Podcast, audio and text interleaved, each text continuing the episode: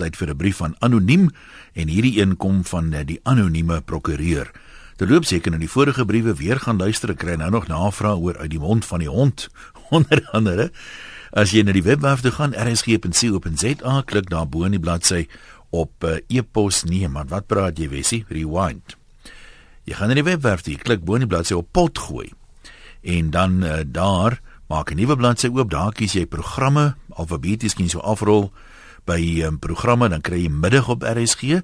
Dis nou hierdie program en dan kies jy net 'n datum en dan is die briewe daar weer om te lees vir jou van of om te luister na van daai datum af tot by die jongste. Die titel van vandag se anonieme brief is Afrikaans 101. Ek is nie 'n vreeslike patriot vir taalsuiwerheid nie. Om die waarheid te sê, irriteer party van die taalpuriste my actually met hulle voorskriftelike beterweterige broederbondhoudingkies. Vir my gaan taal in die eerste plek oor kommunikasie. En as daar 'n Engelse woord is wat beter sê wat ek wil sê, dan gaan ek hom gebruik eerder dan as 'n lang lomp Afrikaanse woord. As jy nie meer kan koop nie, kan jy nie koop nie. Nie een van die woordeboek se Afrikaanse alternatiewe soos wetywer, meeding, hanteer of byhou vat dit presies so kort en bondig saam soos koop nie. So koop het die gevoelswaarde wat ek wil oordra. Sou beet koop daarmee. Daar is egter 'n verskil tussen 'n Engelse woord of uitdrukking wat dit wat ek wil sê actually beter oordra en 'n verkeerde Afrikaanse woord wat iets anders beteken. Gemeet aan my kommunikasietoets dop jy dan nie toets. Veral in ons regstelsel is goeie kommunikasie noodsaaklik en toe ek destyds geartikel het om 'n prokureur te word, het my prinsipaal altyd gesê selfs 'n komma is belangrik in 'n kontrak of testament. Dis hoekom die jong oopgesig Afrikaanse prokureur wat dikwels op TV oor Oscar se saak as strafregkenner verslag gelewer het, my so teleurstel. Ek hoor hy praat gereeld oor die hof wat 'n getuie se kredietwaardigheid moet evalueer. Dis hoegenaamd nie die hof se plig nie.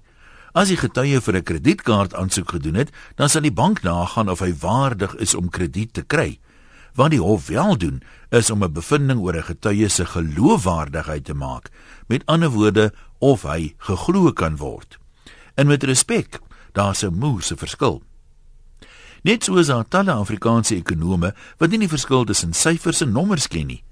Jy het telefoonnommers, dalk gunsteling lotto nommers, maar behalwe jou huis en kar se nommer, is dit dit. Behalwe as jou vrou nommerpas vir jou is. As inflasie gestyg het of die beurs geval het, kyk ons nie na die nommers nie. Daai selfde simbooltjie is dan 'n syfer. Die syfers wys dat die wisselkoers verswak het. Iemand wat 'n aandag het vir rekeningkunde is syfervaardig en hopelik ook kredietwaardig sowel as geloofwaardig. Ek verstaan regtig ook nie hoekom intelligente Afrikaanse mense byna daarop aandring om sulke onnoosel foute te maak nie. As dit by taal kom, vat mense meestal mos kortpad. Tog is daar al hoe meer skape wat 'n ompad wil loop. In die ou tyd se trappe van vergelyking was iets belangrik, belangriker of die heel belangrikste. Maar deesdae is daar mos 'n voorliefde om 'n mees ook in te gooi. Die mees belangrikste ding is wat ook al. Waar sou dit vandaan kom?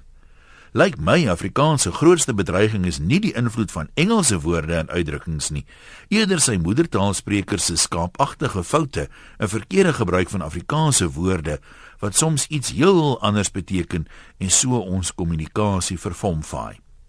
Dit dink ek is huidigelik, soos mense sê, die probleem. Groete van oor tot oor, anoniem.